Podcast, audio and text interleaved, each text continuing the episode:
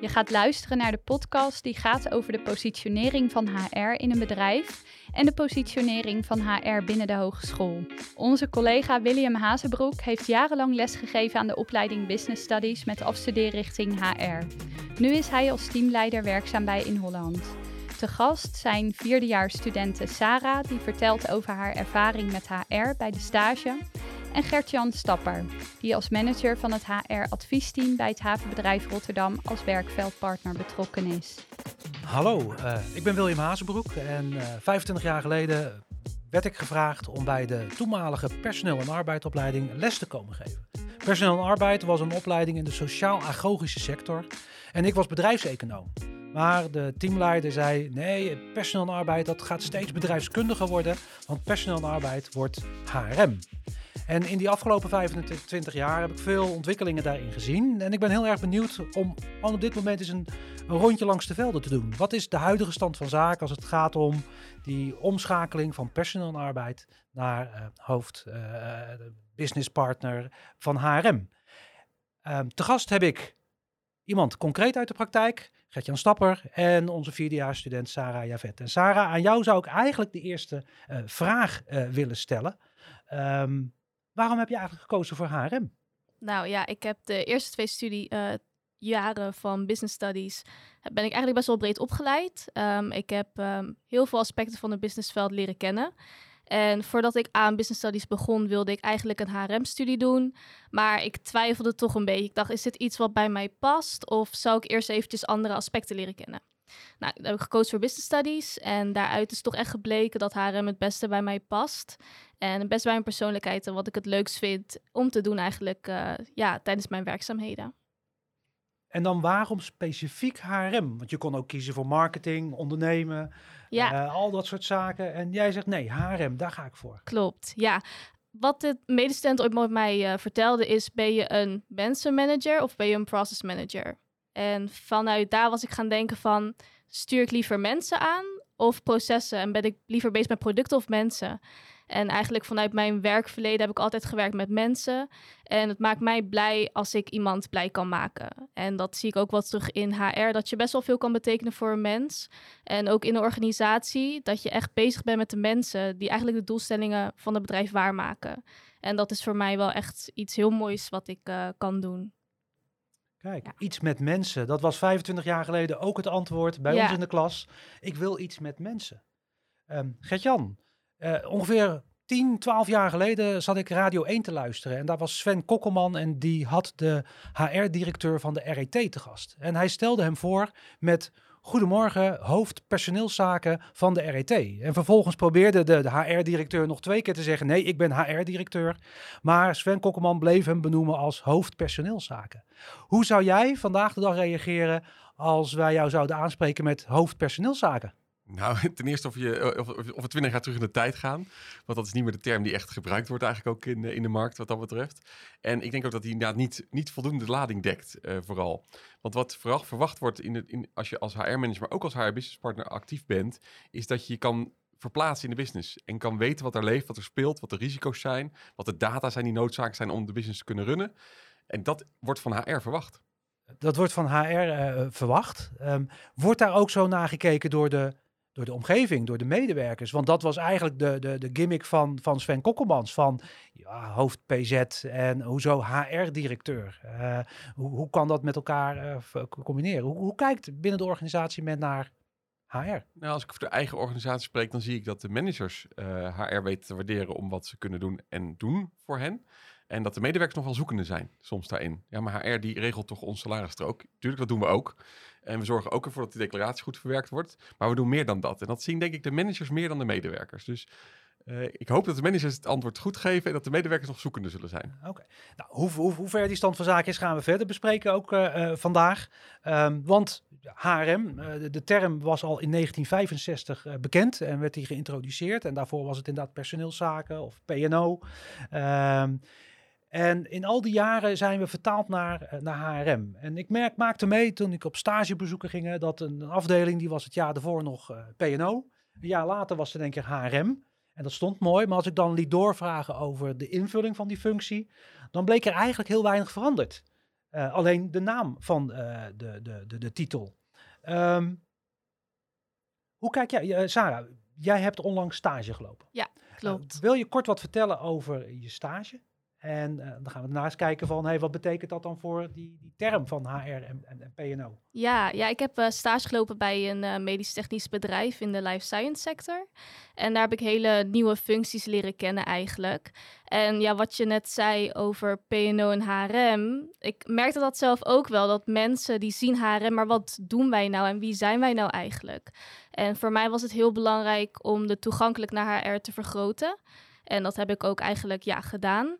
Uh, voor mij was het heel belangrijk dat ik de werknemers kende en weet wie ik eigenlijk beheer. Want natuurlijk staan wij erboven en wij zijn inderdaad wel bezig met administratie, maar wie zijn wij nou? Um, dus eigenlijk heb ik de werknemers ook persoonlijk leren kennen. En dat heb ik gedaan door, uh, ja, door het bedrijf rondjes te lopen, uh, vragen hoe is je weekend, gewoon een beetje een persoonlijke relatie opbouwen. En zo creëer ik eigenlijk vertrouwen naar HR toe. En dat is voor mij ook wel belangrijk uh, ja, in mijn functie. En um, ik merk dat dat tegenwoordig in bedrijven nog een beetje aan de low ligt. Dat HR niet echt optreedt naar de mensen toe. En vooral in grote bedrijven zie je dat ook wel met meer dan ja, duizend werknemers. Van ja, wie zit er nou eigenlijk bij HR? Dat heb ik ook bij mijn bijbaan. Ik weet eigenlijk niet wie er bij HR zit. Maar ik vind dat wel iets wat eigenlijk meer kan opkomen. En dat vergroot ook de betrokkenheid. Uh, en natuurlijk ook de communicatie naar HR toe. Dat mensen misschien wat sneller durven af te stappen op elkaar uh, met problemen. En dat komt eigenlijk bij ja, heel veel onderwerpen en trends die nu spelen. Uh, denken aan vitaliteit, duurzame inzetbaarheid. Dat mensen eigenlijk daar misschien zelf mee komen. Dat je eigenlijk de tevredenheid ook kan vergroten. Ja. Oké, okay, dus, dus jij wil die, die, dat contact maken. Ja. Jij loopt langs. En dan richt je je vooral op de medewerkers, als ik het goed begrijp. Klopt. Ja, en natuurlijk de stafdiensten ook, waar wij ook mee samenwerken. Maar voornamelijk ook de groepen die niet zo snel durven af te stappen naar HR. Uh, bij ons in het bedrijf, toen bij mijn stagebedrijf, waren dat bijvoorbeeld uh, ja, de productiemedewerkers, die wat meer hulp nodig hebben, bijvoorbeeld bij uh, digitalisering. Waren ook overgestapt toen op AFAS. Uh, dat kennen jullie waarschijnlijk wel. En uh, ja, dat personeelsysteem, dat is nog een beetje nieuw voor mensen die niet echt heel veel met uh, digitale dingen werken. Dus ik vond het hartstikke leuk om ze te helpen. En dan denken ze, oh ja, wat fijn dat je me helpt. HR, die staat wel voor mij klaar. En um, ja, voor dat soort groepen bijvoorbeeld is wel belangrijk dat je voor ze klaar staat. En natuurlijk ook de andere groepen eigenlijk ja, iedereen in de organisatie die zorgt dat alles draait binnen het bedrijf. Zorg dat alles draait. En jij zat Ja. op een HR-afdeling. En welke Ja. functienamen zaten daar allemaal? Uh, nou, we hadden de HR-manager, HR-business partner, HR-officer en uh, de HR-assistant. En de HR-officer en assistant waren eigenlijk ja, gelijkwaardige functies. En um, ja, ik was de vijfde daar. En eigenlijk was ik bezig met iedereen zijn functie. Dus vooral um, allround, dus bezig met de instroom, doorstroom en uitstroom. Voor ons hele welbekende termen. Um, maar eigenlijk ja, ook bezig met de recruiten. Voor mij dan de doorstroom was eigenlijk ook de onboarding. Uh, daar heb ik ook een onderzoek naar gedaan. Om dat te optimaliseren voor werknemers. Omdat ik ook wel een beetje onder de werknemers zat. Dus in de kantine ging ik bij mensen zitten. Dat ik een beetje hoor wat er nou speelt in de organisatie. Want als je op kantoor zit de hele dag, dan hoor je dat niet. Dat hoor je pas echt als je onder de mensen bent. En Ja. jij liep veel tussen die mensen. Ja. Wie van de mensen op jouw afdeling werkte met de managers samen? Of eventueel zelfs met de directie samen? Uh, nou, wij eigenlijk allemaal in het HR-team werkten met de HR-manager samen. En uh, zij rapporteerde dan eigenlijk aan onze managing uh, director. Dus zij was eigenlijk een beetje ja, de tussenpersoon, zeg maar. En um, zij was voornamelijk bezig met de directeur. Daar waren wij eigenlijk niet echt veel mee bezig. Wel in contact, want hij zat naast ons. Dus was dat wel goedemorgen of als je wegging even eventjes kort praten. Maar verder echt qua dingen die in de organisatie speelden, dat was echt de HR-manager. Ja. Oké. Um, de, de HR-afdeling, uh, vroeger P&O, uh, personeelszaken, werd HR en werd HR business partner. Um, nu, nu, nu, nu lees ik uh, onlangs uh, dat, dat een artikel dat uh, er, er veel vraag naar HR-adviseurs en HR-managers. En nu we het een HR-business partner noemen in de vacature, komt er in één keer 70% meer reactie op die, op die, op die vacature. Terwijl de functie hetzelfde is gebleven qua inhoud. de business partner, is dit een trend of is dit eh, een marketing tool? Of is er daadwerkelijk een verandering gaande in eh, de functie van HR? Ja, ik denk dat die functie niet, niet hetzelfde is gebleven uiteindelijk. Uh, het klopt inderdaad, de, zowel de recruiter als de business partner, HR business partner staan in de top 5 van schaarse functies op dit moment, as we speak. Dus dat is een mooie reden om in ieder geval HRM te gaan doen. Omdat je daarmee toch een baan voor het leven gaat krijgen als je die opleiding gaat doen wat dat betreft. Dat is een schaarse functie. Uh, die business partner, die is ook echt actief in het MT van bijvoorbeeld een COO of een CFO in de board. Uh, room. Dus die zit in de boardroom, uh, luistert daarmee, uh, heeft niet altijd iets in te brengen, hoeft ook niet altijd iets in te brengen. Kijk, als het over investeringsbeslissing gaat, hoef je niet direct als HRM daar heel veel betrokkenheid bij te hebben. Maar je moet wel weten wat er speelt. Je moet weten wat er nodig is. Want ja, een investeringsbeslissing kan wel betekenen dat er ander personeel, nieuw personeel, omgeschoold personeel nodig is. En is het wel heel fijn als je als HR-businesspartner dicht tegen die directie aanschurkt en ook aanwezig bent in dat MT. Ook als er niet, ogenschijnlijk niet iets op HRM-vlak besproken wordt, dat je er wel bent om gewoon te weten wat er speelt, te weten wat er leeft en erop in te kunnen springen. En om dus ook, en ik vond Sarah dat mooi zeggen, dat is eigenlijk ook wel wat HR moet zijn. Er moet zowel zichtbaar als onzichtbaar zijn.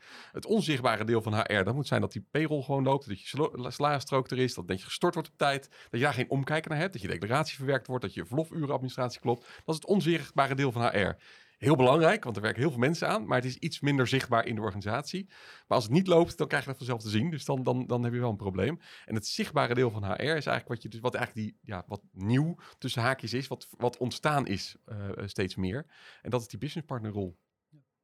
Hey, en, en dan, dan, dan, kijk ik op LinkedIn en dan zie ik uh, als functiebeschrijving bij jou manager HR advies en MD officer bij uh, Port of Rotterdam. Klopt. Kan je kort eventjes meenemen van wat, wat betekent dat en hoe ziet dan jouw agenda er eigenlijk uh, gedurende een week eruit? Nou, om even te beginnen met het, met het adviesteam uh, waar ik manager van ben. Dat bevat heel veel HR-disciplines. Daar zitten de business partners in. Uh, daarin zit recruitment, daarin zit development, dus de, learning and development adviseurs.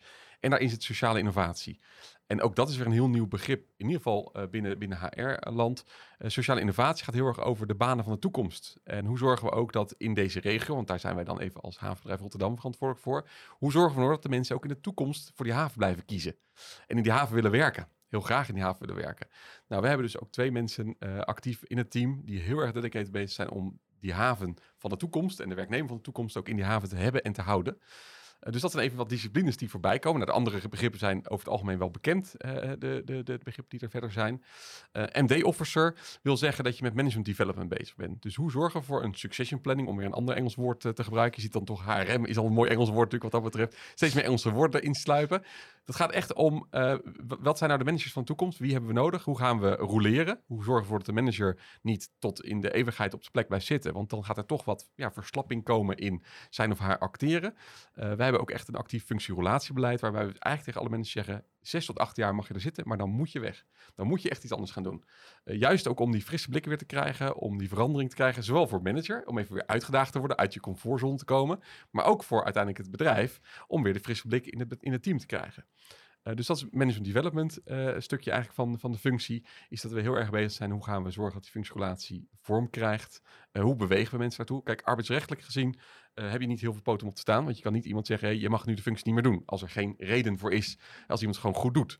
Als iemand het niet goed doet, heb je een ander verhaal.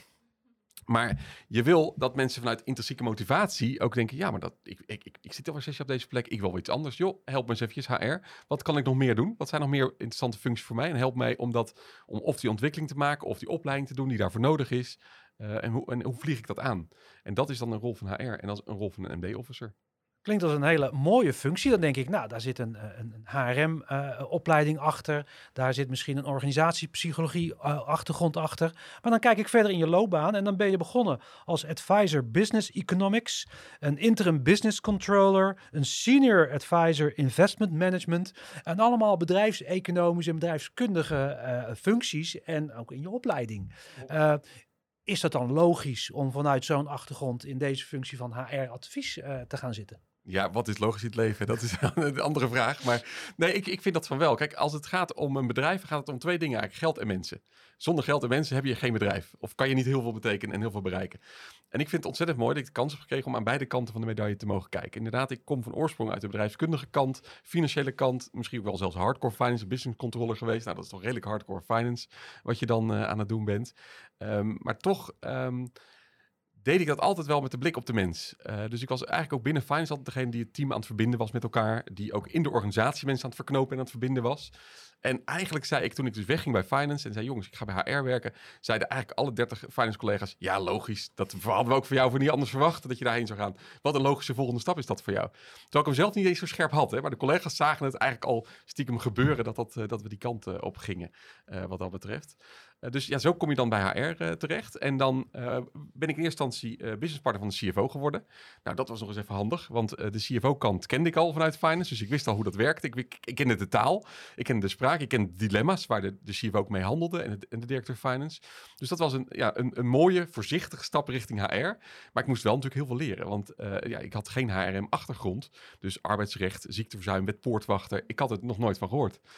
Dus ik ben als een, als een gek dat allemaal gaan leren on the job met hulp van ontzettend veel uh, uh, collega's die daar uh, actief ook mee aan de slag gingen. Dus de businesspartners in het team hebben geen seconde gedacht, ja, nou komt er zo'n rare flapdrol van finance, komt hier, komt hier in één keer HR zijn. Nou, hè, dat kan helemaal niet. Nee, die hebben echt vanaf dag één meegenomen. Al stelde ik een vraag drie keer, kreeg ik drie keer het antwoord van ze. Die hebben echt het, het warme bad verzorgd. Nou, dat is dan wel het mooie van HR. En dat is dan echt een mooie bij, bijvangst van HR. Het warme bad verzorgd dat ik ook daar kon landen. En dat ze mij de kans hebben gegeven om uiteindelijk dit te mogen doen wat levert jouw specifieke economische achtergrond dan eigenlijk die HRM'ers op?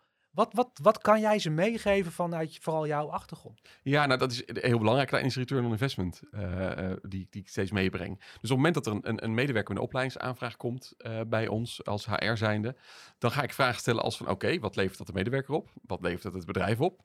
hoe verdienen we dat eigenlijk terug, die opleiding? Oké, de opleiding van 5.000, 6.000 euro. Maar hoe verdienen we dat eigenlijk terug? Wat levert dat? Ja, wat, wat is de, return on investment uiteindelijk daarmee? En je kan niet alles hard maken in euro's. Hoeft ook niet, mag best kwalitatief zijn. Dat je kwalitatief beschrijft wat het ons gaat opleveren. Maar ik vraag altijd naar de, de, de return on investment erbij. Dus ook als ik nu in de managersrol zit en we hebben de bepaalde... Uh, ja, we, nou, we, zijn uiteraard klant bij LinkedIn. Dat kan haast niet anders. Als je niet bij LinkedIn zin, zit als bedrijf, dan heb je toch, mis je toch een heel groot deel van de markt. Maar ik, ik, ik probeer altijd te vragen, heel kritisch te vragen, ja, moeten we daar echt zijn bij, bij, dat, bij dat... Moeten we die kosten echt maken? Of zou het ook anders kunnen doen? Kunnen we het efficiënter doen? Uh, gaan we die ene beurs bezoeken, die 10.000 euro kost? Of gaan we vijf beurzen van 2.000 euro bezoeken, waar we veel meer exposure hebben daarbij? Dat soort vragen krijgen ze veel van mij te horen. En dan krijg ik ook wel weer de feedback terug van ja, en nou is het wel goed geweest met die finance. We, moeten, we moeten het gewoon een keertje doen. En merk je dan ook, uh, want, want, want genoeg geweest met finance, kunnen ze het ook plaatsen, die, die HRM'ers? Uh, steeds meer, ja, steeds okay. meer. Ze blijven ook wel hulp vragen dat, en dat vind ik ook wel weer leuk. Dan zeggen ze, ja, maar ik, ik ben daar niet zo van. Ik, help me dan eens eventjes alsjeblieft. Hoe maak ik dan zo'n return investment? Hoe maak ik dat dan inzichtelijk? Nou, en dan sta ik uiteraard graag klaar. Of ik schakel wat finance collega's in om hen daarbij weer te helpen. Dus over en weer zie je een open houding. Uh, en ook wel een gevoel van wendbaarheid. Van ja, ik wil meer kunnen in het leven dan alleen maar dit. Want ja, als je, als je in het HRM-vak stapt, betekent dat dan dat je tot je pensioen dat zelf blijft doen? Of wil je jezelf ook daarin blijven uitvinden en ontwikkelen? Nou, dit kan, kunnen dan voor mij en ook vice versa andersom voor de medewerkers natuurlijk best wel interessante manieren zijn om jezelf te verbreden. Ja. Je kennis te verbreden als je in het HR-vak stapt. Sarah, jij stapt in het HR-vak ja. en jij bent vorig jaar daarmee begonnen. Na twee jaar uh, basisopleiding in business studies. En business studies, daar krijg je economische aspecten, marketingaspecten, juridische aspecten. Het is een bedrijfskundige opleiding. Ja. Uh, wat heb jij daarvan teruggezien toen je stage ging lopen op die HR-afdeling? Nou, het was wel mooi om te horen wat er net ook werd gezegd over dat stukje met finance wat je zegt, ik heb zelf als HRM een heel ander beeld als hoeveel besteden we en wat halen we daaruit. En ik denk wel van um, hoe kan het een voordeel leveren op de afdeling, maar niet echt in cijfers. Maar nu ik wel een achtergrond heb uh, in de eerste twee jaren, moet ik wel zeggen dat ik een breder beeld heb uh, in de business. En dat ik wel ook wel weet waar marketing zich mee bezighoudt en finance. Als je bijvoorbeeld mij vier jaar geleden zou vragen wat een grootboekrekening is, zou ik denken, nou, ik heb geen idee. Maar sinds ik finance heb gekregen, denk ik, oké, nou, ik weet dat het dat is. Dat ik ook wel een beetje weet van debiteuren, crediteuren, een beetje dat soort termen, dat ik het kan oppikken. En dat heeft mij wel een mooie basis gegeven, gegeven om het bedrijf beter te begrijpen. En misschien ook wel een beetje met dat op de achtergrond ook nog verder te denken dan alleen vanuit onze afdeling daar raak je wel een mooie kern natuurlijk ervan. Hè? Want uiteindelijk is natuurlijk de, de basiskennis die je als HRM uh, eh, krijgt, is ontzettend belangrijk. Want ja. ja. er wordt van je verwacht dat je iets weet van opleidingen, mm -hmm. dat je weet hoe, hoe recruitment werkt, uh, dat je weet uh, al, al, dat soort aspecten dat je die meekrijgt. Wetpoortwachter, arbeidsrecht, ja. moet je wat van weten. Um, maar dat is een soort hygiënefactor eigenlijk geworden tegenwoordig. Mm -hmm. dat, natuurlijk, dat is een basis die hoor je te kennen. Ja. Maar je moet je juist zo kunnen inleven in, het, in de interne klant, als ik, als ik over interne klant mag spreken, Ja. in de manager uh, waarmee je in gesprek bent, om Ja. hem of haar te helpen in zijn of haar bedrijfsvoering. Ja. En die gaat breder dan alleen maar de mensen. Klopt, ja. En dan speel ik wel een beetje een adviesrol erin, helemaal als HR business partner. Dat je toch ook wel een sparringspartner kan zijn voor een manager. Dat zie ik ook wel. Of met sollicitatiegesprekken, als je die voert met uh, HR erbij. Dat de manager ook met HR kan overleggen hoe en wat en wat goed is voor de afdeling of niet. Oké, okay, mooi.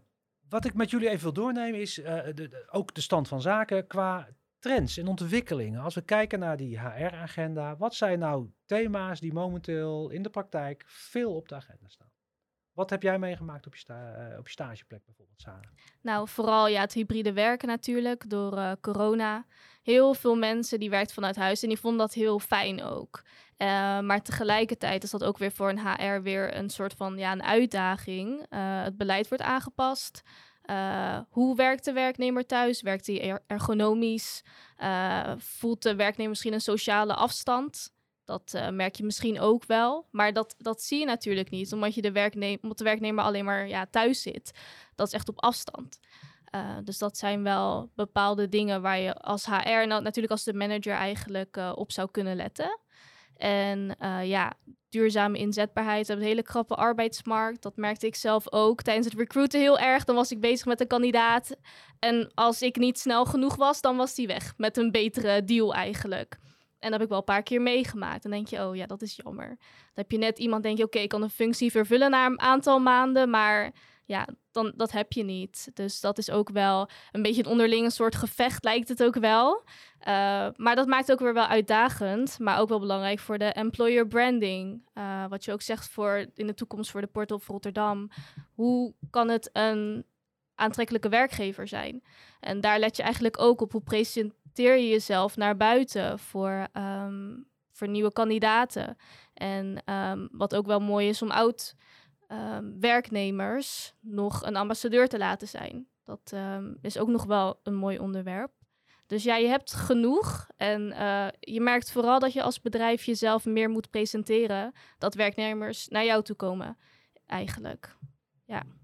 Gert-Jan, herken je deze onderwerpen ja, en heb, kan je ze nog aanvullen? Ja, absoluut. Nee, ik onderschrijf ze eigenlijk allemaal die Sarah ook noemt. ja. En ik kan ze ook nog aanvullen. Uh, en eentje is het, waar wij heel actief op inzetten nu is exitgesprekken ook. Dus inderdaad, hoe oh, houden ja. we die achterdeur dicht? Ja, en die precies. voordeur die zetten we maximaal open. Ja. En gelukkig lukt ons dat in ieder geval als bedrijf nog om goede mensen te vinden en ook binnen te halen. Maar we moeten wel zorgen dat die achterdeur dicht is. Ja. Um, want als die de achterdeur open blijft staan, dan kan je als recruitment, als HR, uh, ja, het wijlen met de kraan open uiteindelijk. Um, dus we, en, en, als er dan mensen weggaan, door goed exitgesprek te voeren, weten wat er leeft, wat er speelt, waarom zijn ze weggegaan en wat kunnen wij daarvan leren Mm -hmm. om dat een volgende keer anders te doen. Um, en gelukkig krijgen wij dan vaak te horen dat, dat salaris het niet is. Dus dat is fijn. Dat is, dat is dat in ieder geval een hygiënefactor die Mm -hmm. goed geregeld is. Het gaat veel meer om andere zaken die dan, uh, die dan belangrijk ervaren worden. Verloop kan je nooit voorkomen. Moet je ook niet willen voorkomen. Het is ook gezond dat mensen af en toe weer iets anders gaan doen. Dus dat vind ik er zeker eentje. Leven lang ontwikkelen vind ik een heel belangrijke, die ook nu echt een actueel, actueel thema is. Uh, het, we moeten steeds langer werken. Uh, nou, met een beetje pech, uh, in ieder geval ik tot mijn zeventigste. nou, jij misschien wat langer, Sarah. Ja, misschien wel. Misschien tot je 75, wie ja. zal het zeggen. Maar we moeten gewoon wat langer gaan werken. En dat moet wel leuk zijn. En dat moet vooral leuk blijven ook. Je moet niet ja, met tegenzin daarheen moeten. En dat betekent dat je niet... De mensen die we nu aannemen, gaan niet tot hun pensioen dat blijven doen. Uh, dus je moet ook heel veel zorg besteden aan bij- en omscholing. Hoe zorgen we nou dat mensen bij- en omscholing krijgen en uh, ja, de juiste richting op blijven gaan? Uh, dat zien we ook in ons vak terug. We hebben natuurlijk veel operationele medewerkers. Die mogen vanuit de wet na een bepaalde tijd al bepaalde vakgebieden niet eens meer doen. Omdat ze dan zeggen, nee, dan ben je volgens de wet te oud. Dan ben je niet meer alert genoeg om dat vak te kunnen doen. Scheepvaartbegeleiding is daar een voorbeeld van. Ja, maar die mensen willen we nog wel heel graag een 70ste of, of een 67ste met veel plezier bij ons aan het werk hebben. Dus hoe zorg je dan tijdig voorbij een omscholing daarvan? En last but not least, een aanvulling daarop is ook data. Dus uh, de data worden natuurlijk steeds belangrijker in HR. Dus ziekteverzuim, wat zijn de trends? Uh, wie is er vaker, wie meldt zich wat vaker ziek dan gemiddeld? Hoe zorg je dat je op tijd het gesprek daarmee aangaat?